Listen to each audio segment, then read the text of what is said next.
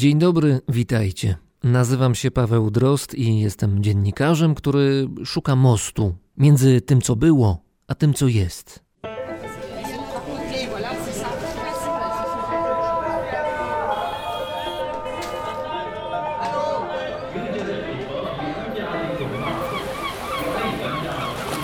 Brzmienie świata z lotu Drozda. To było gdzieś na południe od Dołchobyczowa, tam gdzie polsko-ukraińska granica ucieka wyraźnie na południowy zachód, lgnąc jakby do nie tak dalekiego przecież Budapesztu. Gdyby stamtąd jechać w dół mapy, chociaż drogi bezpośredniej nie ma, a pogranicznicy zatrzymaliby taką wycieczkę zanim by się na dobre rozpoczęła, dotarlibyśmy do Lwowa.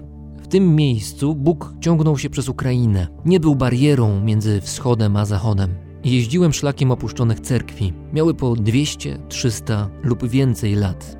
Lubię jeździć po polnych albo szutrowych drogach.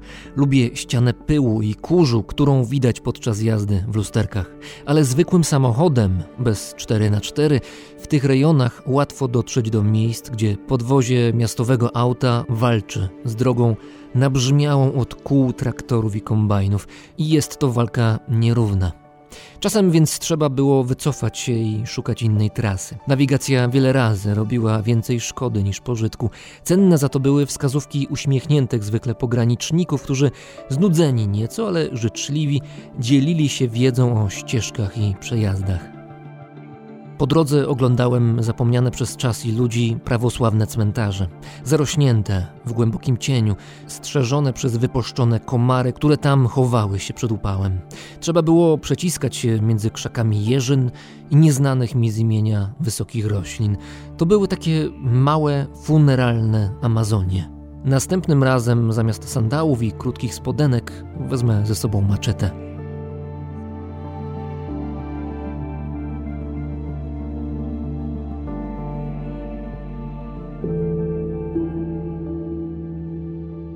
Ale cerkwie, szczególnie jedna, nie była objęta zainteresowaniem stowarzyszeń czy lokalnych aktywistów, którzy starają się na miarę swoich możliwości bronić budynki przed czasem. Mała, drewniana, niska. Obok niewielki cmentarz z pochylonymi nagrobkami. Dojścia broniły pokrzywy, wysokie aż po szyję. Chyba szedł tam ktoś wcześniej, bo dało się zauważyć zalążki ścieżki. Obszedłem cerkiew dookoła, z tyłu drzwi były lekko uchylone. A może to było zniszczone okno? Nie pamiętam. Wszedłem do środka. Pająki, których sieci przykleiły mi się do twarzy, na pewno złorzeczyły mi po cichu. W środku było trochę chłodniej. Kamienna posadzka, resztki jakichś malowideł na ścianach i trumna. Stała z boku, jedna część położona na drugiej, z ciemnego drewna, które, kto wie, może kiedyś było jasne. Andrzej Stasiuk, któremu opowiadałem tę historię, zapytał od razu: Używana? Sam się nad tym zastanawiałem. Chyba używana, ale bez lokatora. Chyba. Nie wiem dokładnie. Jakoś na przekór sobie, wbrew ciekawości, starałem się ją ignorować. Owszem, zrobiłem zdjęcie lub nawet dwa, ale nie zajrzałem do środka. Ani nie podszedłem bliżej niż na metr. Właściwie nie wiem dlaczego. Na liście cerkwi do zobaczenia miałem taką, która została przerobiona na katolicki kościół, odnowiona w innych szatach niż pierwotnie, działająca świątynia. Chciałem nawet ją pominąć, zbyt była zwyczajna, schowana za świeżą farbą i po generalnym remoncie. Zaraz obok stała drewniana dzwonnica i staruszka. Czas ją trochę przygiął do ziemi, zarówno dzwonnicę, jak i staruszkę, ale obie stały Kobieta przyglądała mi się uważnie, ale nie było w jej zachowaniu tej bezwstydnej ciekawości, którą mają poduszkowce, te, które oparte o parapety domów, wzbogacone o wygodną poduszkę, oglądają, podziwiają to, co się dzieje na zewnątrz. Staruszka zobaczyła, że zerkam na dzwonnicę. Ta dzwonnica stała kiedyś tam dalej, kilka kilometrów stąd, powiedziała spokojnie. Chłopy przez dwa tygodnie ją przesuwali. Na balach. Podkładali bale pod spód i tak dzwonnicę przesunęli. Wyobraziłem sobie wieżę oblężniczą, która przemierza drogi, może pola, pchana przez ręce kilkunastu ludzi o zachodzie słońca. Bo ta dzwonnica z powodzeniem mogłaby wziąć udział w walce o jakiś średniowieczny zamek. Nikt by się nie domyślił, że jej miejsce jest koło cerkwi. U góry bez trudu zmieściłoby się kilku wojów gotowych, by z okrzykiem wyskoczyć na mury zdobywanej twierdzy. Zapytałem, czy dzwonnica działa, czy ma dzwon. Nie ma. Chyba Niemcy czy ludzie radzieccy wzięli lata temu. Godzinę później w Biedronce kupowałem białe wino. Dobre, sprawdzone, a dzwonnica stoi dalej i coś tam pamięta.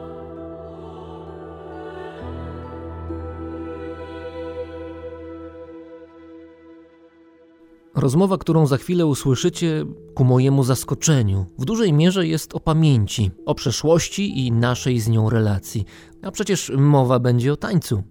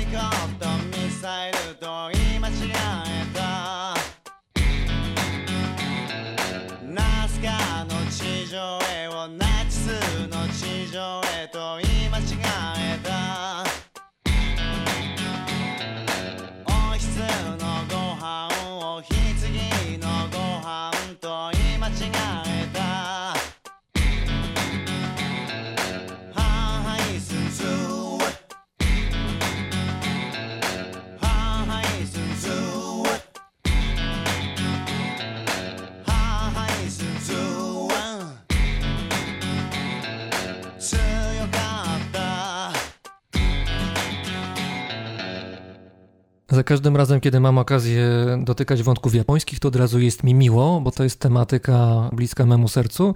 Miło też jest mi w tej chwili, ponieważ jesteśmy w domu tancerki, która od kilkunastu lat zajmuje się japońskim tańcem klasycznym, a specjalizuje się w Jiutamai. Hanna Umeda jest z nami. Dzień dobry. Dzień dobry. Bardzo dziękuję za sęcie. Wypiłem sobie troszeczkę. Herbata bardzo smaczna. Dawno nie piłem sęci rzeczywiście zielonej herbaty japońskiej, takiej klasycznej właściwie, prawda? Tak, na zdrowie. Przywożę z Japonii. Jakoś trudno mi znaleźć też w Polsce dobrą sęcię, ale też przyznam, że może aż tak intensywnie nie szukam. Za miesiąc w połowie października pojedzie Pani do Japonii, jeżeli wszystko dobrze pójdzie.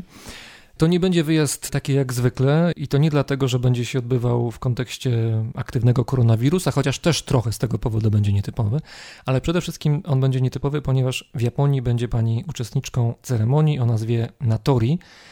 To dla Pani będzie bardzo ważny moment jako tancerki, jednak no, żeby zrozumieć, dlaczego tak jest, musimy zacząć od podstaw. Dobrze. Japoński taniec klasyczny, termin bardzo pojemny, też pozbawiony jakoś treści, bo nie wiemy o co chodzi, więc proszę trochę tej treści wlać do tego terminu.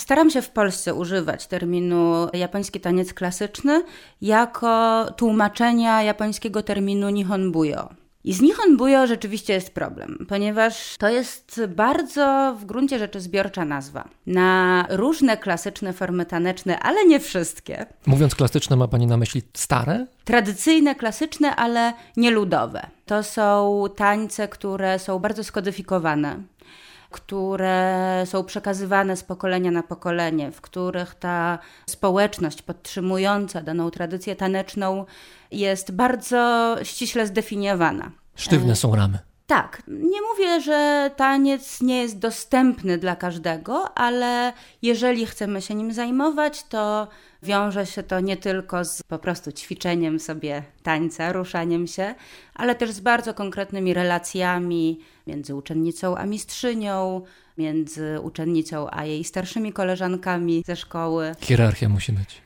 Jest bardzo ścisła hierarchia, co akurat mi pasuje bardzo. Ta japońska hierarchia też jest dosyć specyficzna. Ona jest chyba trochę inna niż ta, o której myślimy sobie w Europie ponieważ tą hierarchię spotykamy właściwie na każdym kroku. I oczywiście w tej konfucjańskiej myśli, czy neokonfucjańskiej nawet japońskiej myśli, osoba niżej w hierarchii jest zobowiązana do posłuszeństwa osobie, która stoi wyżej, ale w zamian ta osoba wyżej też jest zobowiązana do opiekowania się tą osobą niżej. Także rzeczywiście ta relacja hierarchiczna jest bardzo wzajemna i każda strona otrzymuje bardzo wiele. Są prawa i obowiązki. No i dobrze, mamy tańce klasyczne japońskie i wśród nich jest jiutamai. Jiutamai jest dość mało popularnym tańcem w Japonii, w gruncie rzeczy. Mało popularnym to znaczy, że jak zapytam Japończyka na ulicy, co to jest jiutamai, to powie mi, nie mamy zielonego pojęcia, tylko po japońsku powiem. Myślę, że w wielu wypadkach tak może być. Mhm. Zaczęłam zajmować się japońskim tańcem klasycznym mniej więcej 15, 14 lat temu, w 2006 roku.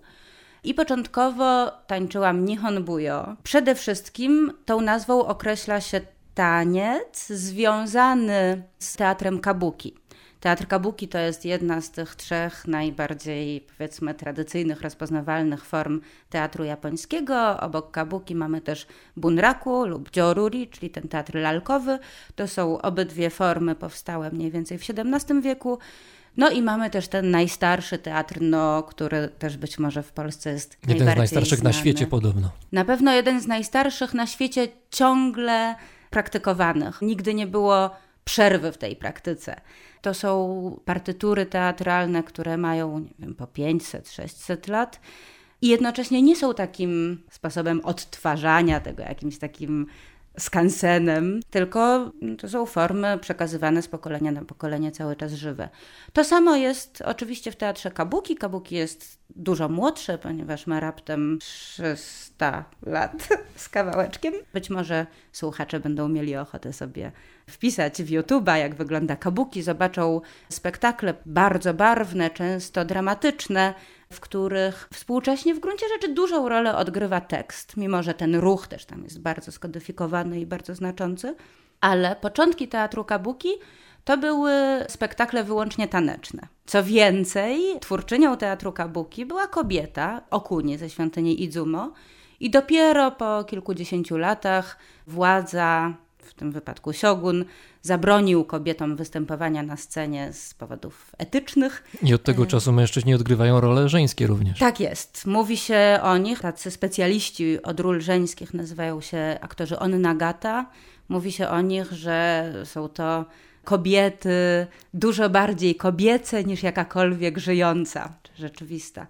Jeżeli próbować sobie wyobrazić z, z jakiejś takiej naszej zachodniej perspektywy, czym jest sztuka onnagata, to można sobie wyobrazić drag queen, tylko że taką sztukę drag queen, która jest przekazywana z pokolenia na pokolenie od 300 lat i w dodatku te osoby uczą się tej sztuki od piątego roku życia na przykład. A więc niesłychany poziom wirtuozerii, a jednocześnie właśnie to odgrywanie fantazji na temat kobiecości. Taniec w teatrze kabuki nazywał się zawsze kabuki odori i nawet współcześnie, jeżeli pójdziemy sobie do Japonii, do teatru kabukidza, powiedzmy w Tokio, Idzie się zazwyczaj, kupuje się bilet na spektakl, idzie się do teatru, w którym spędza się około 3-4 godziny.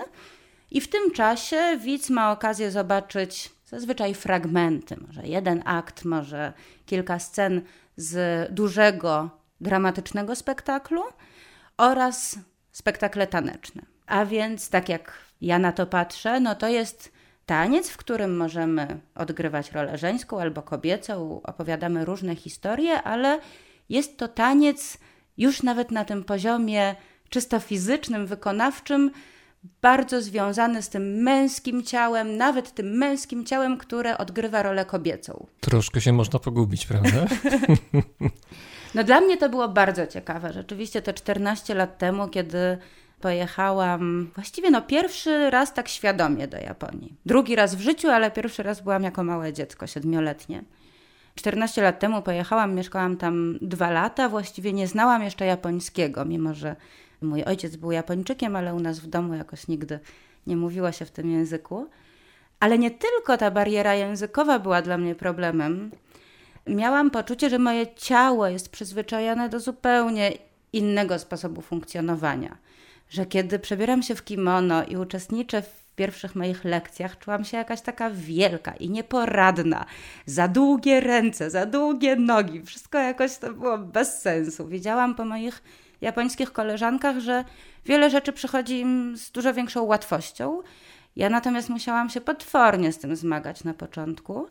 I to, co mnie utrzymywało w jakiejś takiej mobilizacji do dalszych ćwiczeń, to było właśnie wyobrażenie, że ja się mogę poczuć jak aktor Onnagata, i mimo, że to moje ciało może nie spełnia tego wyobrażenia o tym, jaka powinna być japońska kobieta w klasycznym tańcu, to że właśnie ciężką pracą mogę doprowadzić do tego, że na scenie czy tańcząc, mimo wszystko jakoś w tą formę wejdę. Czyli próbowała Pani zbliżyć się do ideału kobiety pokazywanej w teatrze kabuki przez mężczyzn przebranych za kobiety? Tak sobie wyobrażałam, że trochę sama jestem tym mężczyzną, który teraz próbuje odgrywać kobietę.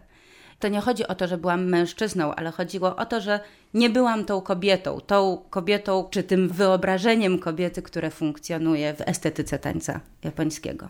Taniec Nihonbuyo ćwiczyłam przez 10 lat powiedzmy, ale po drodze około 6 lat temu spotkałam dość właściwie przypadkiem moją obecną mistrzynię, panią Hanasaki Tokijo, która zajmuje się formą tańca o nazwie właśnie Jiutamai, z którą mam pewien problem metodologiczny. Z perspektywy mojej mistrzyni to jest zupełnie inny taniec niż Nihonbuyo. Mimo, że tak naprawdę jakby obejrzeć jeden i drugi, to one szczególnie dla laika niewiele się od siebie różnią. To jeszcze powiedzmy, jak to wygląda dla laika. To znaczy, to wygląda tak, że pojawia się postać, zaczyna grać jakaś muzyka, bo zwykle muzycy są na scenie i dogrywają, czasami jest jakiś śpiew, recytacja i tak dalej. I tancerka czy aktorka wykonuje bardzo, bardzo, bardzo oszczędne gesty swoim ciałem. Właściwie no, bardziej się nie rusza niż się rusza, można powiedzieć. No, może Z perspektywy laika. Znaczy, to, nie, to nie jest skakanie w rosyjskim tak. balecie absolutnie, tak. prawda? To jest Jasne. coś zupełnie innego. Więc tak to wygląda w Jiu Tamai? Tak, myślę, że ten opis nawet bardziej pasuje do Jiu Utamai, który jest jeszcze bardziej statyczny niż Nihonbuyo. Myślę, że można dodać, że z punktu widzenia laika, który oglądałby te dwa tańce, obydwa wykonywane są w kimonie.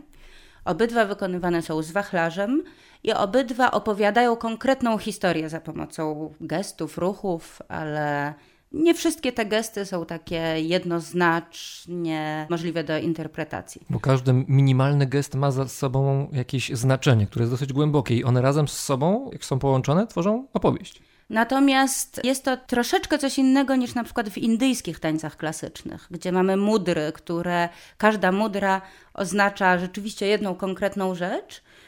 Wydaje mi się, że japoński taniec klasyczny można by bardziej porównać do pantomimy, tyle że rzeczywiście korzystamy z bardzo konkretnego zestawu gestów, ale te gesty chyba bardziej funkcjonują jako metafora czegoś albo jako przedstawienie pewnej rzeczywistości, niekoniecznie zawsze bardzo dosłownie. Oczywiście zdarzają się takie momenty, kiedy ten gest będzie bardziej dosłowny, kiedy nawet laik być może zobaczy, że, że oto wachlarz zamienia się w kartkę papieru, a tancerka za pomocą palca pisze list.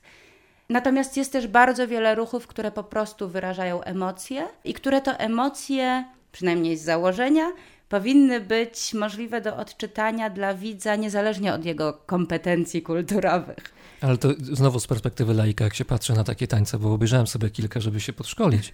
O kabuki coś wiem mniej więcej, o nowiem troszkę więcej, ale właśnie o Jiuta Majo, o tym tańcu wiem bardzo mało no to tych emocji tam jest jak na lekarstwo z mojej perspektywy. Naprawdę, no już bardziej się w ryzach emocjonalnie tam się nie można trzymać. Jeden gest malutki, drugi, trochę się podniosę, wyciągnę wachlarz. Może rozłożę, może nie. Dobra, rozłożę. To się bardzo powoli toczy. I z perspektywy laika tam jest treść Pewnie jest gdzieś ta treść. Ja ją czuję, że ona gdzieś tam jest, ale jest absolutnie dla mnie niedostępna. Rzeczywiście, myślę, że w Japonii jest o tyle łatwiej, że zazwyczaj ruchom towarzyszy śpiew, towarzyszy konkretny tekst. tekst I śpiewa nie tancerka, tylko ktoś z boku. Tak prawda? jest. I tak naprawdę ruch jest w pewnym sensie dopełnieniem tego, co jest wypowiadane w pieśni. A o czym są te opowieści przykładowo? No wiem, że tych opowieści klasycznych pewnie jest tam kilkanaście, jak nie kilkadziesiąt, ale no pierwsza z brzegu taka najbardziej popularna o czym? Jeszcze tylko może szybciutko powiem, bo wydaje mi się to ważne, żeby to zaznaczyć. Dziuta jest formą tradycyjnie wykonywaną wyłącznie przez kobiety. To tylko chciałam zaznaczyć, żeby gdzieś tam tą kobiecość tego dziuta też podkreślić. A to jest dla mnie o tyle ważne, Ostatnio sobie zdałam z tego jakoś tak bardzo dobitnie sprawę. Choreografie Dziuta Mai, przekazywane z pokolenia na pokolenie w różnych szkołach, one zazwyczaj nie mają autorek. Nie wiemy, kto wymyślił daną choreografię, ale wiemy, że jest bardzo już klasyczna, wiemy, że tak to należy zatańczyć, a nie inaczej. I historie, które tańczymy, są nierzadko pod potwornie przejmujące, ale przejmujące właśnie w taki sposób, jak to tylko kobieta może opowiedzieć o swoim bólu i cierpieniu. Jest na przykład taki jeden taniec bardzo znany w Dziutamaj, Kurokami, który opowiada o kobiecie, o żonie, która pisze list miłosny do swojego męża i w tym dokładnie momencie, kiedy ona, przepełniona wielkim smutkiem, pisze ten list miłosny, jej mąż za przesuwanymi japońskimi drzwiami jest w łóżku z inną kobietą, której rozsypane na podłodze czarne włosy, czyli właśnie kurokami, ta nasza bohaterka widzi i przekazuje cały ten ból no, związany z tym, jak to jest być zdradzoną kobietą, czy zdradzaną w tej chwili kobietą, w sytuacji, czy też no, w takiej bardzo patriarchalnej jednak kulturze, w której ona nawet nie może nic powiedzieć, nie może zaprotestować. Mężczyzna miał prawo przyjmować sobie kochankę. Natomiast te emocje, które przeżywała kobieta, one w niej były. I to nie były emocje, którymi ona by się mogła podzielić ze swoim mężem. Nie wprost, nie mogłaby, nie wiem, zrobić mu awantury, więc zawiera je w tańcu. I ten taniec jest przekazywany z pokolenia na pokolenie, i dzisiaj chociażby ja mogę zatańczyć ten taniec, opowiadając ponownie historię tego zranionego serca tamtej kobiety, której imienia nie znam i nigdy nie poznam. Czyli ten taniec jest historią nie tyle tańca, co kobiet japońskich. Taniec Jiutamai, tak, to jest wciąż na nowo powtarzanie i przywoływanie tych takich małych historii, tych historii, które nie mieszczą się w tej wielkiej narracji historycznej, o których nikt nie pisał książek. Te historie zostały właśnie tylko wśród tych kobiet, które ten taniec uprawiają i powtarzają. I oczywiście no teraz podałam taki no już bardzo smutny przykład, ale on też nie jest wyjątkowy. Jest bardzo wiele tego typu historii, często też z drugiej strony, kiedy to kochanka jakiegoś mężczyzny czeka na niego. On trochę już o niej zapomniał, być może wrócił do swojej żony, a może znalazł sobie inną kochankę. I też to cierpienie i zranienie wynikające z no, takiego złamanego serca w sytuacji, w której nawet nie ma się prawa do, do tego, żeby jakkolwiek wymagać czegoś od tego mężczyzny. Też takie historie tańczymy. Czasem zdarzają się też weselsze historie, jakieś takie opowiadanie o tym, jak to jest pięknie w Kyoto. Ale mam wrażenie, że w Dziutamaj rzeczywiście przeważają te takie no, bardzo smutne treści. Smutne treści, które są tańczone w taki sposób, i to już mówię z perspektywy bardziej praktycznej, a nie z perspektywy widza.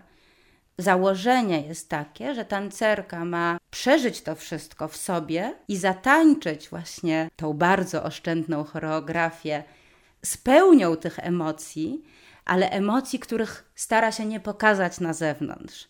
Czyli to jest taki taniec, który jednocześnie jest tłumieniem emocji, które tylko czasem może troszeczkę miałyby szansę przez jakąś szczelinę przejść i się uwidocznić przed widzem, ale to też jest takie założenie, że przy tak smutnej historii po prostu nie wolno, nie wypada widza zarzucić całym tym ogromem smutku, bo po prostu taniec ma sprawiać jednak przyjemność estetyczną. To bardzo skomplikowane, bo z jednej strony trzeba coś pokazać, a z drugiej strony tancerka pokazuje, że nie może pokazać. Tak, dokładnie. Wydaje mi się to bardzo japońskie. To właśnie. Powiedzieć, ale nie powiedzieć. Tak. Zaznaczyć tylko, trochę jak w tym malarstwie Zenga, malarstwie tuszem. Parę które... kresek. Tak, i tyle. Albo nawet jak w haiku. Haiku pokazuje jakiś maleńki wycinek rzeczywistości. Natomiast w momencie, w którym dokładnie wyobrazimy sobie nie tylko to, co jest opisane, ale też to, gdzie wobec tego jest autor wiersza, to możemy nagle sobie dopowiedzieć wszystko, co jest dookoła. I to jest chyba bardzo charakterystyczne dla kultury japońskiej taki szacunek do widza, szacunek do czytelnika, ogólnie szacunek do odbiorcy i do tego, że przecież odbiorca jest na tyle wrażliwą i inteligentną osobą, że nie trzeba jej zarzucać treściami wprost. On to sobie wszystko wyobrazi i on sobie do tego wszystkiego dojdzie. Powiedziała Pani, że kobiety tylko tańczą te kobiece historie. Czy wśród publiczności dominują wobec tego kobiety, które chcą tego typu historie usłyszeć, które jakoś się identyfikują się z tym, czy jednak tutaj towarzystwo jest mieszane? Wręcz przeciwnie. Hmm. Mai współcześnie jest tańcem praktykowanym głównie przez gejsze a więc większością odbiorców są mężczyźni. Mai jest prezentowane w niewielkich przestrzeniach. To jest taniec raczej przeznaczony nie na scenę, ale do tańczenia przed kilkoma widzami, klientami gejszy, którzy siedzą sobie w odległości może dwóch, może trzech metrów od tancerki, popijają sobie sakę, jedzą jakieś smaczne rzeczy. Kameralna sytuacja. Tak. Oczywiście współcześnie pokazuje się też ten taniec na scenach, natomiast z perspektywy takiej technicznej jest bardzo dużo takich elementów, które w ogóle są widoczne dla widza tylko wtedy, kiedy widz jest blisko jakieś bardzo drobne ruchy, zmiany oddechu. E, Naprawdę, zmiany oddechu tak. mają znaczenie? Tak, to są rzeczy, które widz, nawet jeżeli ich nie zauważy, to jakoś je odczuje. Odczuje, że czym innym jest gest wykonany w jego stronę na wydechu, czyli taki gest jakby dający, nawiązujący tę relację, a czym innym będzie na wdechu, co być może sugerowałoby jakieś budowanie dystansu. Mhm. No, takich szczegółów jest bardzo wiele w tańcu. Myślę, że Oji Utamai, mimo że on ma ten wymiar właśnie bardzo głęboki, historyczny, czasem wręcz mistyczny, bo czasem to też są religijne historie. Ponad wymiarami, to znaczy historie nierzeczywiste w pewnym sensie? Tak, związane może z jakimiś bóstwami sintoistycznymi, a może z jakimiś historiami buddyjskimi. To jednak Utamai też można by nazwać tańcem erotycznym. Ponieważ no, w sytuacji, w której gejsza tańczy dla swojego klienta, który zapłacił olbrzymie pieniądze za to, żeby spędzić z nią wieczór właśnie pijąc sakę, jedząc pyszne rzeczy, rozmawiając z nią, słuchając muzyki i oglądając jej taniec. To wszystko odbywa się po to, żeby jemu sprawić przyjemność. Przy okazji może spróbujmy zawalczyć z legendą, która mówi, że gejsza to jest to samo co kurtyzana. Mogą czasami się przenikać, ale jednak to są inne sytuacje. Tak, szczególnie współcześnie, kiedy te dwa zawody właściwie już się zupełnie od siebie oddzieliły. Pierwotnie gejsze były takimi osobami, które przygotowują klienta do tego, żeby zaraz mógł skorzystać z usług kurtyzany i przygotowują go właśnie wprowadzając go w dobry nastrój. Czyli spędzają z nim czas, rozmawiają. Oczywiście wielokrotnie no, taka kurtyzana mogłaby sama to robić, ale zdarzało się, że były po prostu osobne dziewczęta czy kobiety, których pracą, których zadaniem było zapewnienie miło spędzonego czasu klientowi i dopiero z inną osobą potem ewentualnie może oddawać się innym uciechom. Przy czym gejsze były i nadal są y, bardzo wykształconymi kobietami w wielu sztukach. Gejsza dosłownie po japońsku oznacza kobieta sztuki, czy człowiek sztuki. Czyli to jest artystka. To są kobiety, które nawet współcześnie zaczynają naukę w wieku około 15 lat. Dawniej no to było dużo wcześniej. I gejsza musi być bardzo dobrze wyszkolona w sztuce i tańca, i śpiewu, gry na instrumentach, ale również pisania poezji, ceremonii herbaty. Musi interesować się polityką, żeby móc na odpowiednim poziomie dyskutować ze swoim klientem. No też z usług gejsz nie korzysta byle kto to nie jest tak, że jakiś tam przypadkowy facet sobie pójdzie. No to wynika z pieniędzy oczywiście. To jest potwornie drogie. Skoro ta rozrywka jest tak elitarna i korzystają z niej często mężczyźni, no z samego szczytu drabiny społecznej. Chyba założenie jest takie, że po prostu taki mężczyzna też na pewno jest bardzo inteligentny, bardzo wyedukowany, no, no bo bywa. jakoś musiał tam dojść. Mówimy o Japonii. Dobrze. Jest. Takie jest przynajmniej przekonanie. No tak, no po prostu trzeba być partnerką do rozmowy. Czuje się Pani wobec tego troszkę spadkobierczynią tych gejsz z przeszłości, tańcząc Jiutamai? Nie, akurat moja szkoła, czyli szkoła Hanasa Kiryu, nie jest związana z pracą gejszy, co też bardzo mi odpowiada, bo dzięki temu mogę tak naprawdę skupić się na tym wymiarze, tym, który tak mnie dotyka, właśnie tym historycznym i być może dużo bardziej uniwersalnym, ponieważ Jiutamai współcześnie tańczą gejsze, Mówi się o tym, że początki tańca Utamai to były tańce wykonywane na przykład na dworze cesarza przez kobiety mieszkające w haremie. I tak naprawdę nie wiadomo, jak wyglądały tamte tańce, ponieważ nikt ich nigdy nie widział, żeby je opisać. To były tańce, które te kobiety jakoś między sobą wspólnie praktykowały. Natomiast mówi się o tym, że na początku XIX wieku, jeszcze w okresie Edo, ten taniec zaczął być praktykowany przez dziewczęta z dobrych domów jako alternatywa do sztuk walki, które były dostępne dla chłopców. Panowie łapali kije, jakieś inne urządzenia układali się może po głowach, a, a dziewczyny... A dziewczęta wachlarze tak i też się zmęczyły. I stamtąd dopiero ten taniec miał niby przejść do gejsz, które jakoś tam go rozwijały. Z drugiej strony mamy historię teatru kabuki i kobiet, które tworzyły ten teatr na początku XVII wieku. Kobiet, które stworzyły jakiś swój styl taneczny, ten styl taneczny następnie został przejęty przez mężczyzn, przez aktorów Onnagata i praktykowany w teatrze kabuki. Z tamtymi kobietami też coś musiało się stać. To były bardzo często prostytutki, które ten taniec wykonywały również nie tylko na scenie, ale też w herbaciarniach, w których przejmowały klientów. Z drugiej strony kurtyzany, czy później gejsze nie tylko w swoim tańcu, ale w ogóle w swoim stylu bycia, ubierania się, w estetyce, którą się jakoś kierowały, bardzo inspirowały się znowu teatrem kabuki. Starały się upodobnić do tych najbardziej popularnych aktorów od Nagata. Czyli mężczyzn. Czyli mężczyzn. A ci mężczyźni z drugiej strony też jakoś inspirowali się tą kulturą dzielnic rozkoszy, w których no też ta moda kwitła, te kurtyzany eksperymentowały ze swoimi kimonami. Więc mam wrażenie, że tam było bardzo dużo przepływów w bardzo różnych kierunkach. To wszystko tak się mieszało, że tak naprawdę trudno określić, co z czego wynika. Co po było drugie, pierwsze, kura tak, czy jajko? Dlatego nie wydaje mi się konieczne, współcześnie wykonując ten taniec, odwoływać się do doświadczenia gejsz, dlatego że tańczyły to też właśnie panny z dobrych domów, ale też kurtyzany. I być może nie ma co się ograniczać jakby do tego jednego doświadczenia zawodowego w gruncie rzeczy pewnej grupy kobiet. Co więcej, no, praca gejszy jest jednak dużo szersza. Muszą być kompetentne w wielu innych sztukach. Więc ten ich taniec może być przez nie troszeczkę inaczej traktowany niż przez tancerki, które nie są gejszami. Jesteśmy w domu Hany Umedy, rozmawiamy o tańcu Jiu Tamai, o tradycyjnych tańcach japońskich i wracamy za chwilę.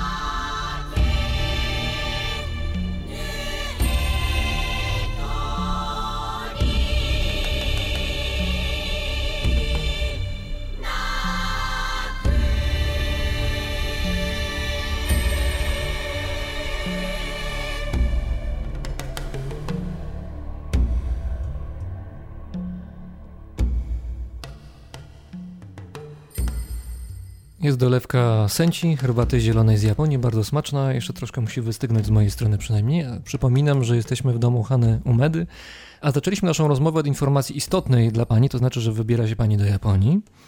To będzie nie taka po prostu wycieczka, tylko to jest po coś, bardzo ważne po coś. Ceremonia Natori to jest to, co będzie Panią interesować. Ceremonia, którą można przetłumaczyć krótko, to jest ceremonia, gdzie nadaje się imię czy nazwisko. To jest coś bardzo, bardzo istotnego. W klasycznym tańcu japońskim, zarówno w Nihonbuyo, jak w Jiutamai, właściwie nie mamy takich szkół czy takich instytucji, do jakich byśmy byli przyzwyczajeni na Zachodzie. Tak jak na przykład w Polsce mamy szkołę baletową, po ukończeniu której można zostać baletnicą i występować, dajmy na to, na deskach Teatru Wielkiego Opery Narodowej. W Japonii to jest sztuka, której uczy się w szkołach rodowych. I szkoła rodowa w gruncie rzeczy polega na tym, że jest jakaś głowa tej szkoły i pod nią cała hierarchiczna struktura uczniów i uczennic. W Jiutamai no to raczej będą przede wszystkim uczennice, które wszystkie noszą nazwisko głowy danej szkoły, czyli noszą nazwisko swojej szkoły. W związku z czym, jeżeli wychodzi tancerka na scenę, taka tancerka profesjonalna, to nie musi opowiadać skąd jest, jaki styl praktykuje i tak dalej, bo wystarczy, że się przedstawi i już wszystko wiadomo. Tam jest pakiet informacji w tym Tak. nazwisku. Bardzo często niektóre informacje pojawiają się też w imieniu, szczególnie w tych największych szkołach. I w takich wielkich strukturach rodzinnych często jest tak, że każdy ma na nazwisko Nisikała czy tam Fujima, ale później jest imię i często w tym imieniu już pojawia się jakieś nawiązanie do imienia nauczyciela czy nauczycielki danej osoby. Czyli ceremonia nadania nazwiska to jest też, czy może być ceremonia nadania imienia również. To jest zawsze nadanie i nazwiska i imienia. To jak się pani będzie nazywać od października? Chyba mogę powiedzieć, ponieważ nawet moja mistrzyni już to zdążyła ogłosić. Będę miała na nazwisko Hanasaki, tak jak moja mistrzyni, a na imię będę miała Sada. Co to znaczy? Sada zapisywane znakiem chińskim oznacza czysta, cnotliwa.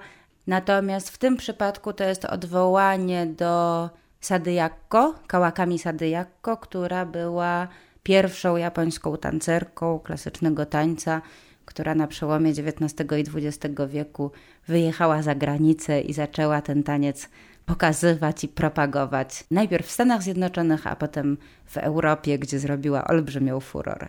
No muszę zadać to pytanie, bo cały czas mnie nurtuje. Czy paszport będzie pani musiała zmienić i dowód tożsamości w związku z tą zmianą nazwiska i imienia? Nie, Nie. nie, nie, nie będę musiała. To jest tylko nazwisko sceniczne. To jest tak jakby pseudonim artystyczny.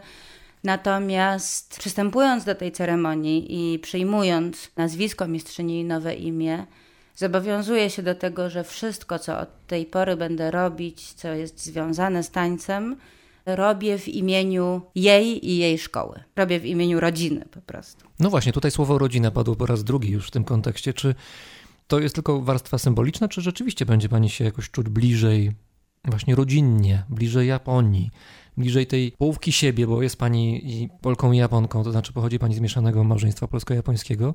Czy to zbliży panią do Japonii? Znaczy, ja z moją rodziną japońską i tak jestem bardzo blisko od kiedy w ogóle zaczęłam jeździć regularnie do Japonii i zajmować się tańcem. Ale nie umiem powiedzieć, nie wiem, nie wiem co to będzie.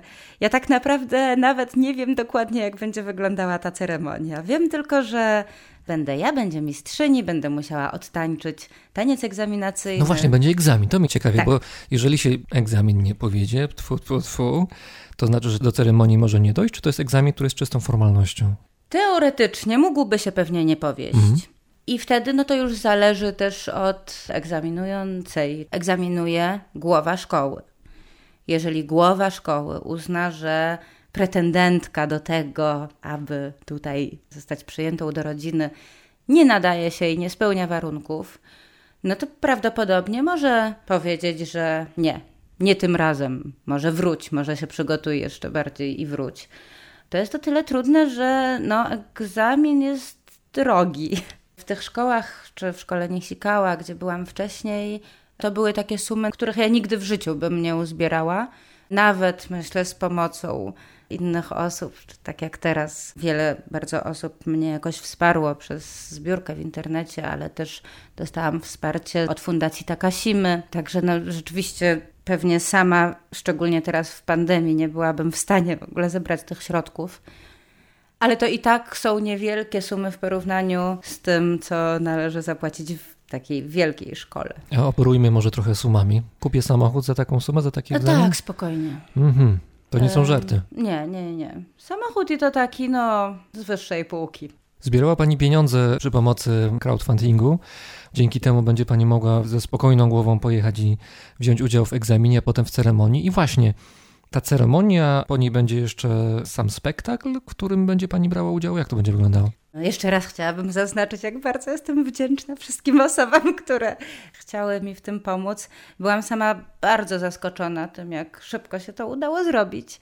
Co dało mi też takie przekonanie, e, Ja czasem miewam wątpliwości, że już zajmuję się tym klasycznym tańcem japońskim od parunastu lat. No, staram się go tutaj jakoś propagować, ale może to wcale nie jest aż takie ciekawe, może to nie jest interesujące dla Polaków, może to jest jakaś moja fanaberia, żeby się tym właśnie zajmować, a rzeczywiście ta sytuacja uświadomiła mi, że jest wiele osób, które uważają, że to ma jednak jakąś wartość. Występ odbędzie się 24 października w Serurian Tower. To jest taki budynek w dzielnicy Shibuya w Tokio. I tam na dole tego budynku jest teatr No z tą tradycyjną sceną. Może też warto opowiedzieć, że to nie jest taka zwykła scena teatralna. Teatr No, jako ten najstarszy, najbardziej tradycyjny z teatrów japońskich, który właściwie poniekąd jest też rytuałem religijnym. W teatrze no, aktorzy przebrani w maski. Właśnie maski są tym charakterystycznym tak. elementem, prawda? Maska, która sprawia, że aktor przemienia się właśnie nie tylko na takim poziomie, tak jak aktor zawsze to robi przecież, ale na jakimś głębszym, wręcz religijnym poziomie przemienia się w ducha zmarłego lub w bóstwo. Albo w demona. Albo w demona. Natomiast zawsze to jest jakaś postać nie z tego świata.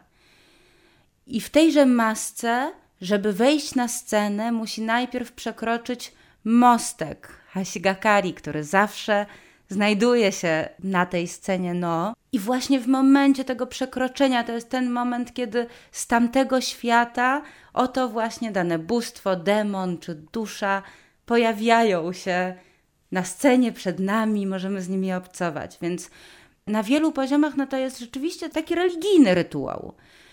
Więc scena teatru no, no jest czymś też ma w sobie jakiś element świętości. To jest wysokie C, ewidentnie. Bardzo. Scena teatru no, jest rzeczywiście jakimś niesamowitym miejscem. Jeszcze nigdy w życiu nie miałam okazji stanąć na takiej scenie. Wiem tylko, że na deski tej sceny nie wolno wejść Oczywiście, że nie wolno wejść w obuwiu, to w ogóle nie podlega żadnej wątpliwości, ale można wejść tylko i wyłącznie w białych, nowych skarpetkach tabi, którymi się jeszcze nie chodziło po żadnej innej powierzchni. Bardzo, bardzo wyjątkowa przestrzeń.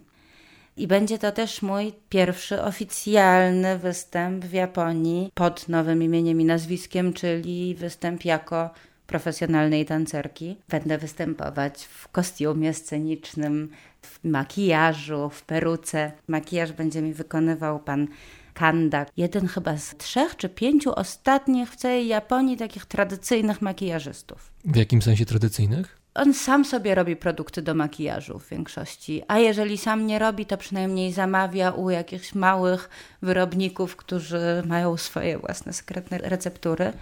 Jego szkoła, w której się uczył, też ileś tam pokoleń już przekazywała tą sztukę. A takie kimono do występu też pewnie nie jest tanie, co? Nie jest tanie, ale ono też jest wypożyczane, więc hmm. na szczęście nie muszę tego kupować. Tylko skarpetki muszą być nowe. Skarpetki muszę sobie kupić, przywiozę sobie swoją bieliznę do kimona. A, i wiozę z Polski perukę. Moja rodzina w Japonii, rodzina Kamodzich, zajmuje się też od wielu pokoleń już perukarstwem w teatrze kabuki. Są związani przede wszystkim z linią aktorów Danjuro i dla nich wykonują te peruki sceniczne, ale też czasem zdarza im się robić te peruki do tańca. I kilka lat temu od właśnie mojego wujka Kamodzi Toshikazu, który jest w tej chwili głową tej firmy perukarskiej, dostałam w prezencie perukę sceniczną, którą teraz wiozę, żeby mi tam ją trochę naprawili, czy tam troszeczkę pewnie będzie trzeba zmienić dekoracje. Także przynajmniej tutaj te koszty też są dużo niższe. Nosi Pani nazwisko Umeda, które zaistniało silnie w Polsce no, w okresie PRL-u.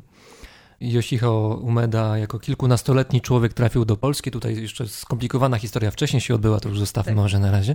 Jako dorosły człowiek już był działaczem Solidarności, czy szerzej opozycji. I jest Pani owocem polsko-japońskiego związku. I teraz w kontekście tego, czym się Pani zajmuje, czyli jednak tradycyjnego japońskiego tańca.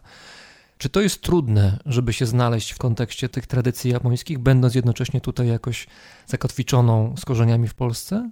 Ja myślę, że byłoby mi nieporównywalnie trudniej, gdybym nie miała rodziny w Japonii i to jeszcze rodziny związanej z tradycyjnymi sztukami. I myślę, że w tym mam olbrzymie szczęście i to jest no, jakieś olbrzymie błogosławieństwo, które tu sintoistyczni bogowie na mnie zesłali. No bo to jest hermetyczna sztuka. Wszystkie sztuki tradycyjne z pokolenia na pokolenie przekazywane są niezwykle hermetycznie, nawet w Japonii dla Japończyków w Jiutamai czy w Nihonbuyo to też nie jest tak, że trzeba być z jakiejś rodziny albo z jakiegoś, nie wiem, towarzystwa, żeby zostać przyjętą przez mistrzynię. I tak naprawdę, jeżeli komuś naprawdę zależy na tym, żeby się tego tańca uczyć, to to zrobi i będzie w stanie, jeżeli odpowiednio dużo wysiłków to włoży, a następnie oczywiście też zbierze odpowiednie fundusze, to będzie mógł być przyjęty do Nawet jeżeli rodziny. będzie spoza Japonii? Tak, są osoby w Japonii, które mają nazwisko, przeszły tą ceremonię na Tori, będąc obcokrajowcami. Z tego co wiem, w Polsce nie ma nikogo, kto by z takim nazwiskiem pracował czy funkcjonował na stałe. I też z tego co wiem, w pozostałej części Europy również nikogo na stałe nie ma z nazwiskiem. No ja mam poczucie, że gdyby nie moja rodzina w Japonii, to nigdy w życiu bym nie trafiła do mojej pierwszej mistrzyni, pani Nishikawa Fukushino, która właśnie była przykładem takiej osoby zupełnie z zewnątrz. To była dziewczyna urodzona na Okinawie, w ogóle na rubieżach japońskich nawet niektórzy mówią, że ludzie z Okinawy to nie są Japończycy. Tak, no Okinawa została podbita przez Japonię. Kiedy pani Nishikawa Fukushino wyjeżdżała z Okinały do Tokio po to, żeby uczyć się Nihonbuyo, ona jeszcze potrzebowała paszportu. Okinawa jeszcze była pod tak, okupacją tak, amerykańską. Tak, był taki moment, rzeczywiście, to prawda. Pochodziła no, z takiej niezbyt zamożnej rodziny okinawskiej, a kiedy pojechała do Tokio, no to już zupełnie nie miała żadnych środków, żadnego wsparcia. Pracowała na dwa etaty, oszczędzała po prostu wszystkie pieniądze, które miała. Żyła bardzo skromnie. Musiała się borykać z ostracyzmem jakimś społecznym? Tak, tak. Hmm? zresztą chyba nadal się z nim boryka. No Współcześnie, jest, naprawdę? Tak, tak. To jest chyba trudna też dosyć ta kwestia takiego nacjonalizmu czy ksenofobii hmm. japońskiej. No, pani Fukushima nie miała łatwo. Rzeczywiście udało jej się doprowadzić do tego, że zdobyła to nazwisko że dostąpiła tej ceremonii na Tori, wystąpiła po raz pierwszy oficjalnie, Bo to jest, to jest przepustka sobie. do profesjonalnego życia zawodowego, prawda? Tak, to jest warunek tego, żeby można było uczyć, samodzielnie występować. To jest taka licencja na to, że teraz oto pielęgnuje daną tradycję. Pani Nishikawa Fukushino, o której mówiłam, moja pierwsza mistrzyni pochodząca z Okinały, jej takie bardzo trudne doświadczenie też popchnęło ją w takim kierunku, żeby pracować jako wolontariuszka. Prowadzić zajęcia z tańca w domu kultury dla osób, które wcale niekoniecznie trafiłyby do mistrzyni, ale dzięki temu, że urządzała podczas festynów dzielnicowych jakieś pokazy, zachęcała ludzi z sąsiedztwa do tego, żeby się u niej uczyli, ta jej szkoła rzeczywiście, czy ten jej oddział szkoły rzeczywiście był bardzo otwarty na przeróżne osoby. Też między innymi na taką półjaponkę, co to właśnie przyjechała z Polski i nawet nie umie się dogadać po japońsku. Wielokrotnie i na bardzo wielu poziomach doznałam jakiejś takiej życzliwości ze strony różnych osób i jakiegoś olbrzymiego szczęścia, że trafiłam akurat tu, gdzie rzeczywiście moja pierwsza mistrzyni no miała bardzo dużo cierpliwości do mnie Myślę, że nie każda e, nauczycielka tańca by się podjęła uczenia kogoś, kto tak nieporadnie stoi i w ogóle najprostszych rzeczy nie jest w stanie wykonać. Mówiła Pani o tym, że te opowieści o kobietach, które odtwarzane są w trakcie tańca, to są opowieści w dużej mierze jakoś tragiczne, opowiadające o trudnych relacjach kobiet z rzeczywistością czy systemem patriarchalnym, no w ogóle z dawną Japonią. A na ile te historie są aktualne dzisiaj w kontekście tego, jak kobiety są umieszczane w społeczeństwie japońskim, jak to się zmienia, bo to się zmienia powoli, ale jednak się zmienia.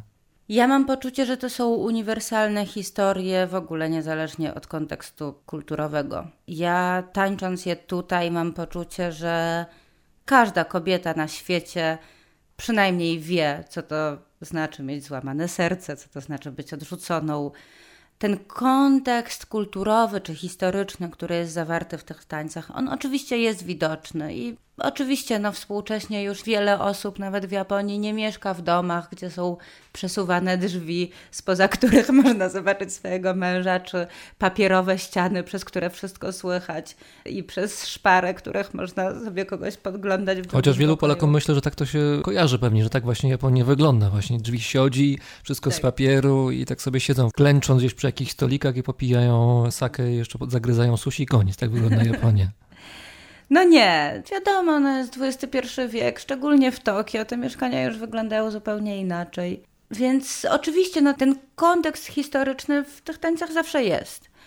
Dla mnie przynajmniej to jest szalenie ciekawe, bo też przez praktykę tańca poznaję jakąś taką rzeczywistość, no zupełnie już nie dzisiejszą. A z drugiej strony, naprawdę mam poczucie, że te treści są po prostu uniwersalne. Chciałabym, mimo że będę miała uprawnienia do tego, żeby uczyć tańca w Japonii, chciałabym uczyć go tutaj, chciałabym tutaj go jakoś dalej popularyzować, rozwijać, uczyć, występować, opowiadać o tym. I to jest też jakaś dla mnie ważna kwestia, gdzie mogę szukać tych punktów, które są uniwersalne, z którymi może się jakoś utożsamić polski odbiorca. To skoro o tym Pani mówi, to może proszę nam podpowiedzieć publiczności, która może być Pani publicznością albo publicznością dla Pani uczennic, od czego powinniśmy zacząć, żeby próbować zacząć rozumieć Jiuta Mai? Jak możemy, będąc zielonymi zupełnie w tej materii, spróbować dotknąć chociaż odrobinę tego, o co chodzi, kiedy wychodzi na scenę kobieta ubrana w kimono z peruką i wykonuje te bardzo oszczędne ruchy dłonią, głową, wachlarzem. Wydaje mi się, że to, co jest najważniejsze, to żeby spróbować spojrzeć na ten taniec, wyzbywając się takiego lęku przed tym, że to jest obce kulturowo i na pewno tego nie zrozumiem. Chociaż jest obce kulturowo i trudne do zrozumienia jest. Ale właśnie nie wszystko trzeba zrozumieć. To, co jest ważne, czy co może pomóc odebrać po prostu ten taniec, to jakieś takie przestawienie się na odbiór nie intelektualny, a bardziej emocjonalny. Na uruchomienie jakiejś takiej swojej wrażliwości, która nawet w tych powolnych ruchach może zobaczyć nie tyle jakieś konkretne treści wyrażane za pomocą skodyfikowanych form, ale też może jakiś przepływ, który w ciele tej tancerki się odbywa, jakieś emocje, które być może uda się odczytać, mimo że tancerka nie będzie nimi przesadnie epatować. Może jakiś ruch się z czymś skojarzy, może wzbudzi jakieś wspomnienia, a może po prostu już na takim czysto kinetycznym poziomie obserwowanie ruchu może w nas samych wzbudzić przyjemność przez samo wyobrażenie sobie, że ten ruch wykonujemy. Ten taniec, on jest wymagający dla tancerki. Tancerka w Jiutamai nie musi być rozciągnięta, nigdy nie podnosi nogi chociażby, nie skacze, więc też praca ciała się odbywa na innym poziomie, ale to też nie jest proste wytrzymać długo w przykucu i nieruchomo. Znaczy, rzeczywiście jest jakiś taki poziom cielesny, w którym trzeba się spiąć, trzeba utrzymać ten bezruch, czy właśnie bardzo powolny ruch. I to często jest bardzo wymagające, często jest męczące. Natomiast to, co jest bardzo ważne w tym tańcu, to żeby wykonywać go w taki sposób, jakby nie wymagał absolutnie żadnego wysiłku. Jakby to były jakieś takie ruchy od niechcenia, właśnie po to, żeby widz, który to ogląda, to jest znowu takie japońskie, piękne podejście, że staramy się nie pokazywać swojego zmęczenia, bo przecież widz, jak to będzie oglądał, to będzie się denerwował i sam się zmęczy. A jeżeli ja mu pokażę coś, w czym jestem, staram się być rozluźniona, sugeruję, że ja w tym się dobrze czuję, jestem zrelaksowana, to że być może zarażę go tym i że on też będzie się czuł zrelaksowany, będzie mu przyjemnie, bo przecież o to chodzi, żeby. Dbamy o samopoczucie widza, czy tego drugiego człowieka po drugiej stronie. Widz jest najważniejszy. Mhm. Taniec Jiutamai, ale chyba w ogóle sztuka japońska nie jest o tym, że ja oto się popisuję i patrzcie na mnie, co ja tutaj potrafię zrobić. To jest wszystko o tym, że chcę sprawić drugiej osobie przyjemność. Więc wydaje mi się, że w Polsce my często mamy tendencję do takiego przeintelektualizowania różnych rzeczy, że wydaje nam się, że powinniśmy mieć jakąś wiedzę, może powinniśmy być bardziej inteligentni niż jesteśmy, może mamy może się wstydzimy tego, że czegoś nie wiemy na przykład, tak? Że nie rozumiem czegoś, bo nie wiem, więc się wstydzę, więc mnie to krępuje i stresuje. Dla mnie to jest olbrzymi dramat, bo ja bardzo bym chciała tym moim widzom w Polsce sprawiać przyjemność i często borykam się z tym, co tu zrobić, żeby, żeby oni się nie stresowali oglądając ten taniec. Jednak już coraz częściej to się udaje. Spotykam też takich widzów, którzy są w stanie po prostu nawet później podejść i powiedzieć: No, ja to się tak nie znam na tej japońskiej kulturze, więc ja to nie wiem, co tam to znaczyło, co tu chodziło, no ale bardzo jakoś mnie wzruszyły te ruchy, mimo że nie wiem dlaczego. I chyba o to mi chodzi, żeby postarać się dotrzeć właśnie na takim czysto emocjonalnym, czysto ludzkim poziomie, który jest uniwersalny i niezależny od tych wszystkich kodów kulturowych, w których z drugiej strony muszę funkcjonować, przynajmniej kiedy tańczę te klasyczne formy, bo jeżeli zacznę je zupełnie zmieniać, no to one już nie będą klasyczne. Bardzo dziękuję. Była z nami Hanna Omeda, tancerka klasycznego tańca japońskiego Jiu Tamae, która się będzie nazywać wkrótce jak? Hanasaki Sada, a po polsku Sada Hanasaki. Bardzo dziękuję. Dziękuję bardzo. 僕の目一つあげましょうだからあなたの目をくださいまだ見たことのない花新しい季節を探してた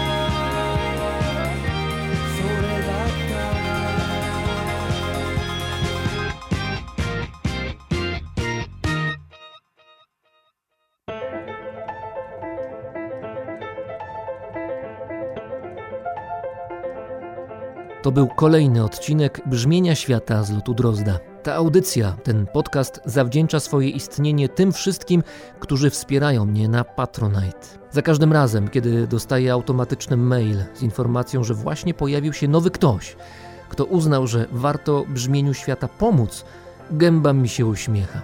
Bardzo Wam za to dziękuję. Ja i moja gęba.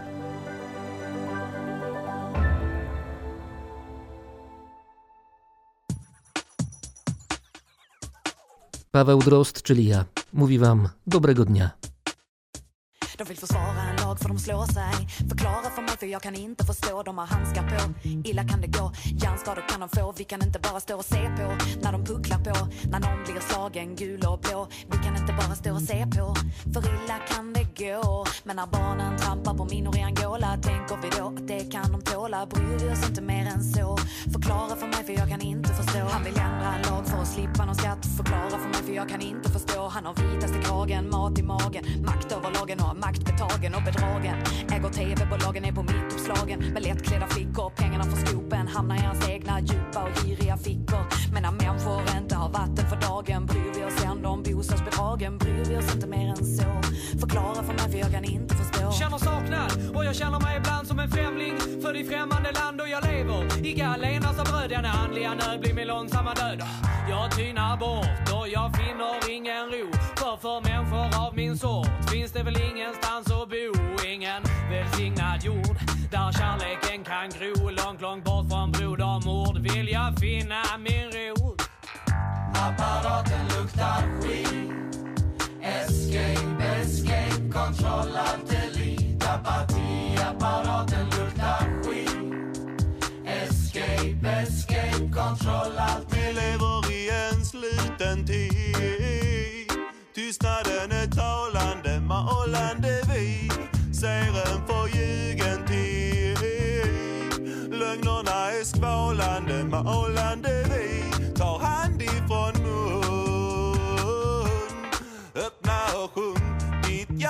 hjärtas lust. Ta hand ifrån mun. Hämta och sjung från din djupaste brunn Babylon, de sprider propaganda som om det var deras sätt att andas. Men inte de som vi ska klandra det. Vi som måste handla, det går ju alltid att skylla på de andra. Men ett steg sen har man börjat vandra. När man väl har tagit det första Blir jag bra att ta det andra. För vi måste vägra deras sanning Vägra deras lögn. Stänga av apparaten och vakna vår sömn För det är dags att ta till handling. Dags att ta tillbaks Avslöja spektaklet, det blir generalknas. Höjer välfärdsnivån Kostnaden är flåsande, låsande lån. Bläddrar runt i tv-tablån. Äcklad varje dag, jag vill dra härifrån. Vi ska göra folk av dig.